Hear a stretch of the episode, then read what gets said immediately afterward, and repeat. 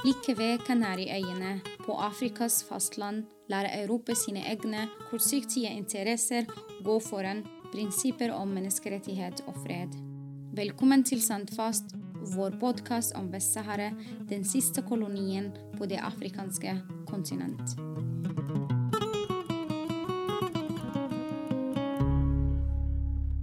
Alt liv på jorden og alle mat vi spiser, er avhengig av grunnstoffet fosfor, men stadig mindre av fosforet er tilgjengelig for matproduksjon. Det er uenighet om når det vil skje, men i løpet av noen generasjoner kan etterspørselen etter mineralsk fosforgjødsel, eller kunstgjødsel, det var samme som du sa, overgå produksjonen. Det vil verdens befolkning stå overfor en utfordring ulikt hva vi har sett tidligere.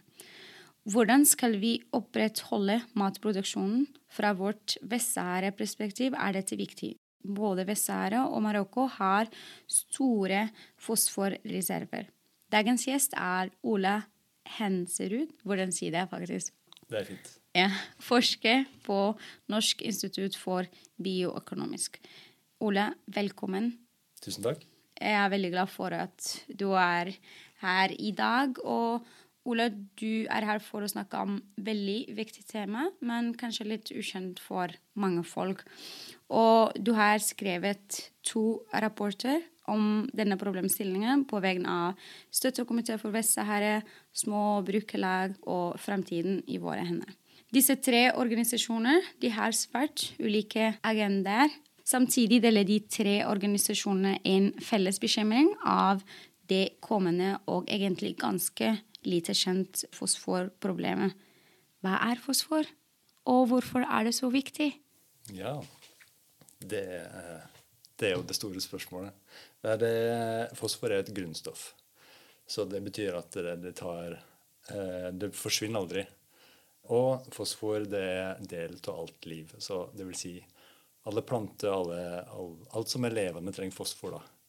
Vi trenger det til å bygge bein, og vi trenger det til å transportere energi rundt i kroppen.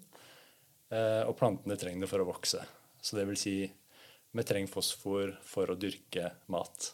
Det er, det er helt essensielt for liv. For livet generelt. Og også i introduksjonen så nevnte jeg at de store reserver i verden av fosfat er i Vest-Sahara og i Marokko. Mm, ja, det stemmer. Det er jo eh, Altså, Marokko sitter på den aller største andelen av fosforreserver i verden, så ca. 70-75% kontrollert av Marokko. Så det vil si det aller meste er i Marokko, men det finnes òg en stor gruve i Vest-Sahara eh, som da er kontrollert av Marokko. Og i din forskning som du og dine kollegaer har gjort, har dere særlig sett på det norske fosforregnskapet. Mm. Eh, hva er et lands eh, fosforregnskap, og hva, hva, viser dette norske regnskapet? Hvorfor skårer vi så dårlig i Norge? Ja, um, ja så vi tar regnskap, for det høres jo veldig sånn økonomisk ut. Hvis vi snakker om regnskap sånn økonomisk, da, så er det jo mm. egentlig å forstå hvordan det som går inn og ut av en konto. Ja. Um, og det kan vi på en måte oversette til, til ressursbruk, hvis vi ser på fosfor som en, som en, på en, måte en slags penge. Så går den inn og ut av det norske matsystemet. Så vi importerer fosfor mm. altså inn på konto, liksom, inn, inn til Norge. Mm. Eh, og bruker det på jord.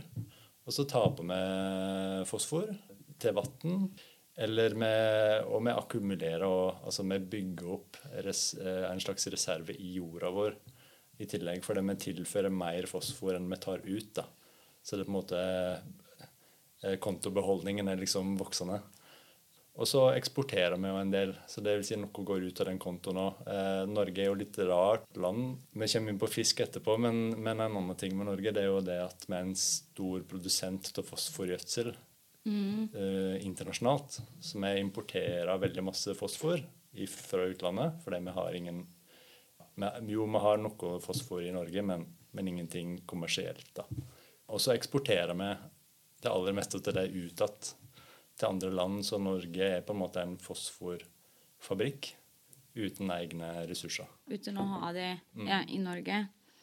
I tillegg til at det er et problem i, i seg selv at det blir mindre tilgjengelig fosfor for matproduksjon, understreker rapporten også at utslippene av fosfor til elver og hav også fører til andre utfordringer. Hva er det? Er de andre utfordringene? Ja, det er liksom den andre sida ved fosfor. da. Eh, utgangspunktet for, for liksom rapporten, eh, eller de to rapportene, det er jo at fosfor er en ikke-fornybar ressurs som det nødvendigvis vil bli mindre av. Men det er jo ikke sånn at fosfor vil jo aldri ta slutt, fordi det er et grunnstoff, så det forsvinner aldri. Men det vil bli vanskeligere og vanskeligere å måtte fange opp eller utvinne, fordi det blir måte, mindre og mindre konsentrert i fjellet, på en måte. Mm. Så det er grunnen til at en begynner å bli litt bekymra for hvordan kan det påvirke prisen, eller kostnaden da, på å utvinne fosfor, og gjødselprisen over tid. Og så er det òg mer og mer urenheter i, i fosforsteinen, da, eller fosfatsteinen, som gjør at det er en slags det er en forurensning der den blir utvunnet. Og så er det det med at noen få land i verden kontrollerer en veldig stor andel av fosforreserven. Mm. Og det gjør det jo litt sånn skeivt i forhold til hvor slags makt de får da, eh, sånn globalt. Så det er veldig mange spørsmål eller eh, la oss si, utfordringer knytta til ressurssida. Men så nevner du det her med at det, det havna i vannet til slutt. Mm. Eller det havna i, ja, i bekka, i elva. Til slutt så havna det, så går det ut i sjøen, da, i havet. Og det er jo den andre problematiske sida med fosfor, det er at det, det, det på en måte tøyer de grensene eh, for, eh, for det havmiljøet kan tåle. Eh, mange plasser i verden i dag så er det store dødsoner i havet. Som vil si det, det er nesten ingenting til oksygen der lenger. Og det er fordi at fosfor er jo et gjødsel, og det fungerer også som et gjødsel i havet. Det vil si at det gjødsler på en måte alger og levende ting i havet som blomstrer opp. Altså Vi har hørt om algeoppblomstring. eksempel, det fins jo i, i Østersjøen.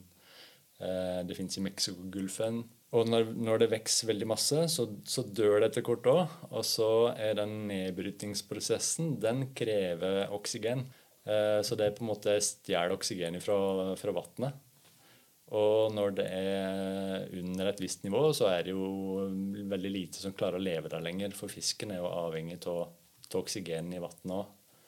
Så de dødsonene nå, det er, det er, et stort problem globalt. Og, det er derfor en sier at fosfor, tap av fosfor til vann utfordrer på en måte de planetære tålegrensene.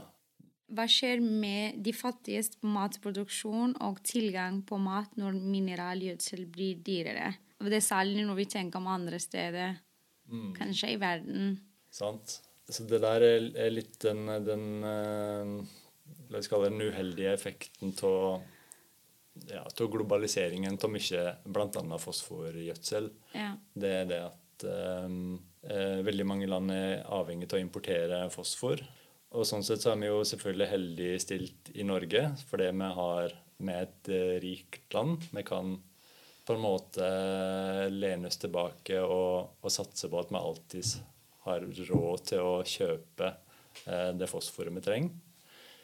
Mens andre land har ikke helt den kjøpekraften, eller de har f.eks. veldig mange småbønder som lever allerede på grensa, kanskje, til der de kan betale for gjødsel.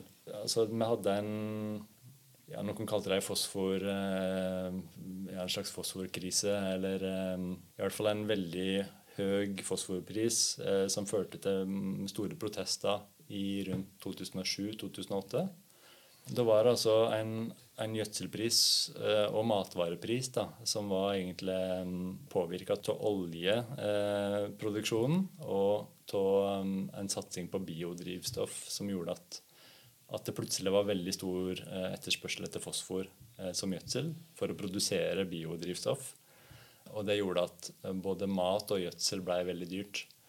Og de som sleit mest da, var jo de fattige landene. Mm. Altså, de har i tillegg eh, utfordringer på infrastruktursida. Altså, de har dårligere transportnettverk og sånt. Så det vil si at det er dyrere å frakte eh, gjødsel ut på landsbygda og der det blir dyrka mat. Så det har, en, det har definitivt en fordelingseffekt òg, eller det er en fordelingsutfordring med, med tilgang på fosforgjødsel, eller tilgang på på gjødsel. Og hvor dyr den er. Så den, den prisen på det gjødselet som en afrikansk bonde til slutt betaler, kan faktisk være dyrere enn den norsk bonde gir. eh, Når den tar med kostnaden med frakt og, og kanskje at eh, det norske eh, muligens kan, kan kjøpe inn større kvanta og sånn sett få Og så har vi selvfølgelig en stor gjødselprodusent i Norge som heter Yara, som gir oss lett tilgang da, på, på fosfor. Ja, og så her er det ikke så ekspert, men er det noen som Finnes det noen mekanismer at for å f.eks. unngå at bønder i Afrika eller andre steder For å beskytte dem når prisene går oppe? Kanskje det er ikke din ekspertise?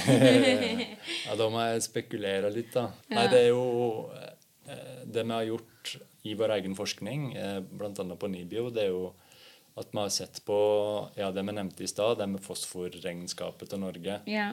Og da ser vi jo det at det fins eh, allerede så masse fosfor i våre, eh, vårt avfall på en måte fra matsystemet. Og da tenker jeg spesielt på husdyrgjødsel. Og, og det vi ser, det er at eh, fosfor i, i den delen av matsystemet vårt den, den er veldig stor. Altså det, Vi importerer eh, Vi både produserer fosfor altså nei, vi produserer eh, fôr til dyr både her i landet, eh, men, også, men så importerer vi òg en del eh, det vi kaller kraftfôr, da, som er mer sånn korn-rapsbasert. Eh, det kan også være Det er ofte veldig masse soya, og det går både til sånn som kyr, eh, gris og kylling, men det går òg veldig masse til oppdrettsnæringen. Så fisken i dag er, er mer og mer en vegetarianer.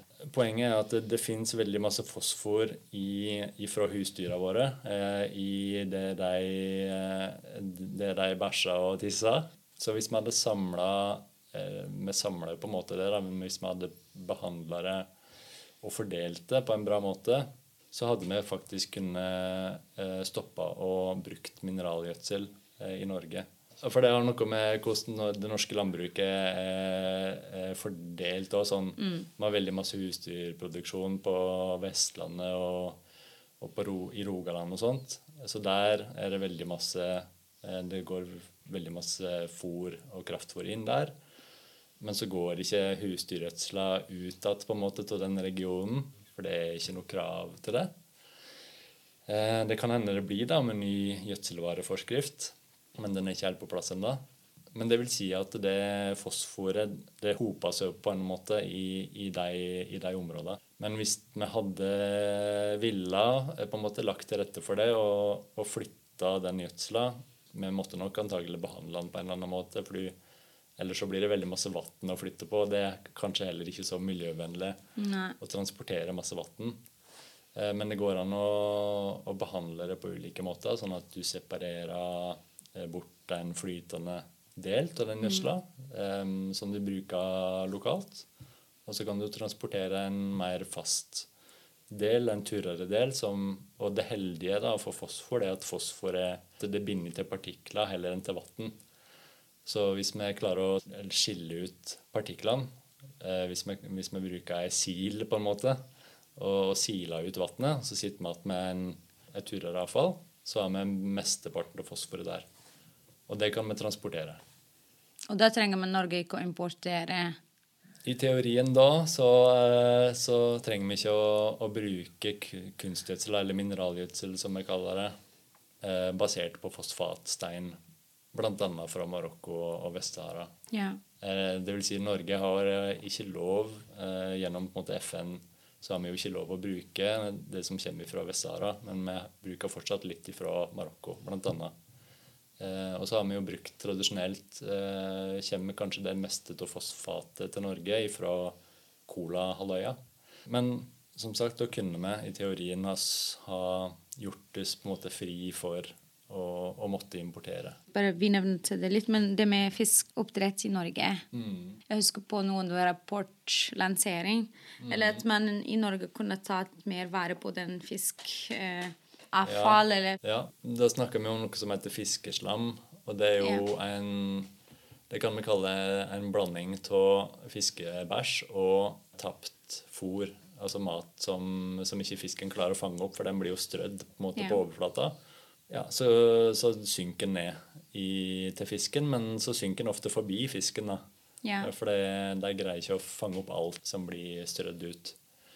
Eh, Så da, ja, da har vi et, et slags slam på bunnen. Og fiskeoppdretten, det skjer jo Jeg tror de aller fleste ser for seg at det skjer i fjorden, men det skjer veldig masse på land nå. Vi har noe eh, Før fisken blir stor nok til å være i fjorden, så er den, eh, så er den smolt.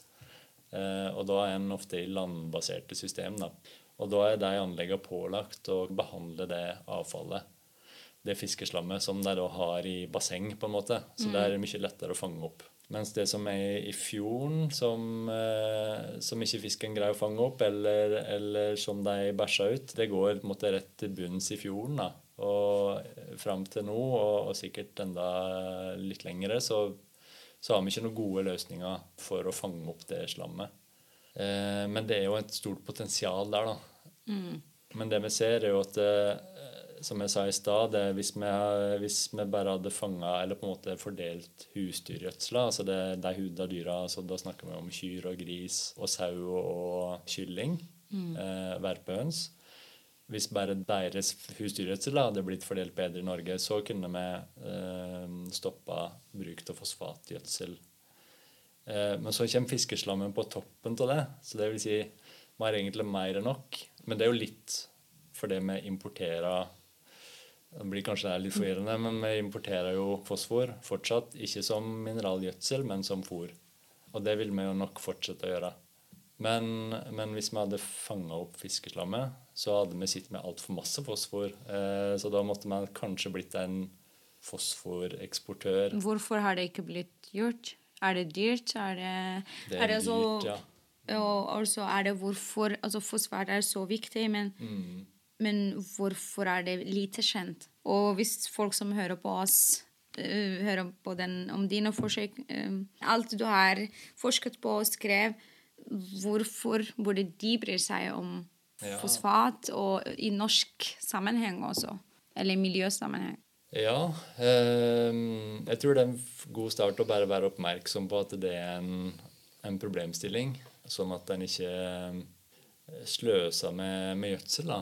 Det er jo kanskje det aller meste de, de som kan påvirke det aller mest, det er nok bøndene og oppdretterne sjøl. Eller la oss si heller sånn landbruksnæringen og fiskeoppdrettsnæringen.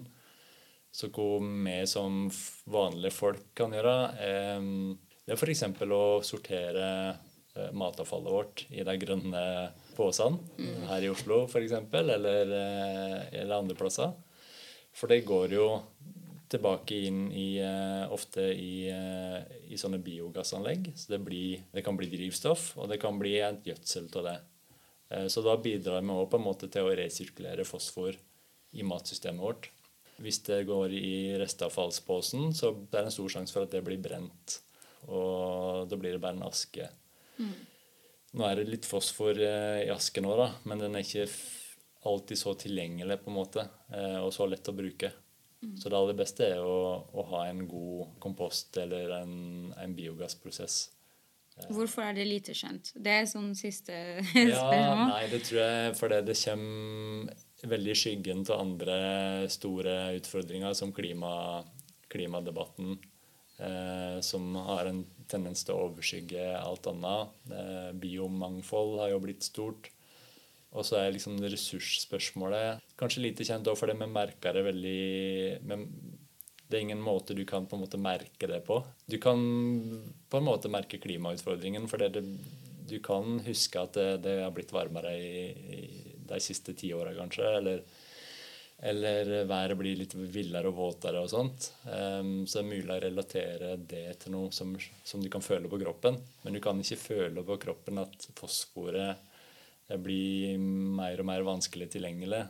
Men gjør norske myndigheter tilstrekkelig for å stanse over forbruket av fosfor i Norge? Ja, Martin var inne på det. Det skjer jo et arbeid nå. Det, vil, altså- det, altså det har skjedd Det begynte mange år siden, men eh, det som kanskje vil være viktig her, er en endring til det, til det som heter gjødselvareforskriften. Så det er jo hvordan du kan bruke gjødsel i hvor store doser og sånt. Eh, og det påvirker også bruken til husdyrgjødsel. Eh, så det kan føre til, hvis den blir strengere, så kan det føre til at, at det blir mindre overforbruk av fosfor eh, der det allerede er veldig masse fosfor i jorda. Sånn, eh, ja, som jeg sa, typisk Vestlandet, Sør-Vestlandet i Norge. Og at kanskje det blir fordelt litt bedre etterpå. Og, det vil jo bli dyrere. Det er en kostnad med det. Jeg og, og mine kollegaer er jo veldig opptatt av at der, der må hele samfunnet bidra til å på en måte kompensere de som får eh, problem sånn pengemessig pga. det. Hvis de må investere i, eh, i, utstyr eller transport, så må vi sørge for at, eh, at, at de ikke kommer ut som, som lidende for mm. en bedre fosforfordeling nasjonalt. Og så har vi jo eh, i våre rapporter, eller som jeg var med å skrive da, for, eh, for støttekomiteen, så har vi jo anbefalt f.eks. at det blir oppretta en, en, det vi kaller en fosforplattform, eller en, eller en næringsstoffplattform, for å samle aktører i Norge og snakke på tvers av sektorer og mellom industri og, og myndigheter og forskning, for å sammen på en måte finne ut hvordan vi kan forvalte det her bedre. da det hjelper ikke å kun gå på én en enkelt sektor her. En må faktisk flere snakke sammen og, og få til ting som fungerer. Så har, vi har sett tegn til at myndighetene, f.eks. Miljødirektoratet, vi vet at de er oppmerksom på problemstillingen, og de har også tatt initiativ til, til å få mer kunnskap på bordet. Så det, det skjer ting. Det skjer ikke veldig fort. en må jeg si er ja, optimistisk. Du ser håp? Ja. ja. Mm. Tusen takk, Ole. Um, kan, du, kan, du, korrigere meg? Vi skal ikke klippe dette bort. Ole. Ola Hanserud. Ola. Ja. Ole.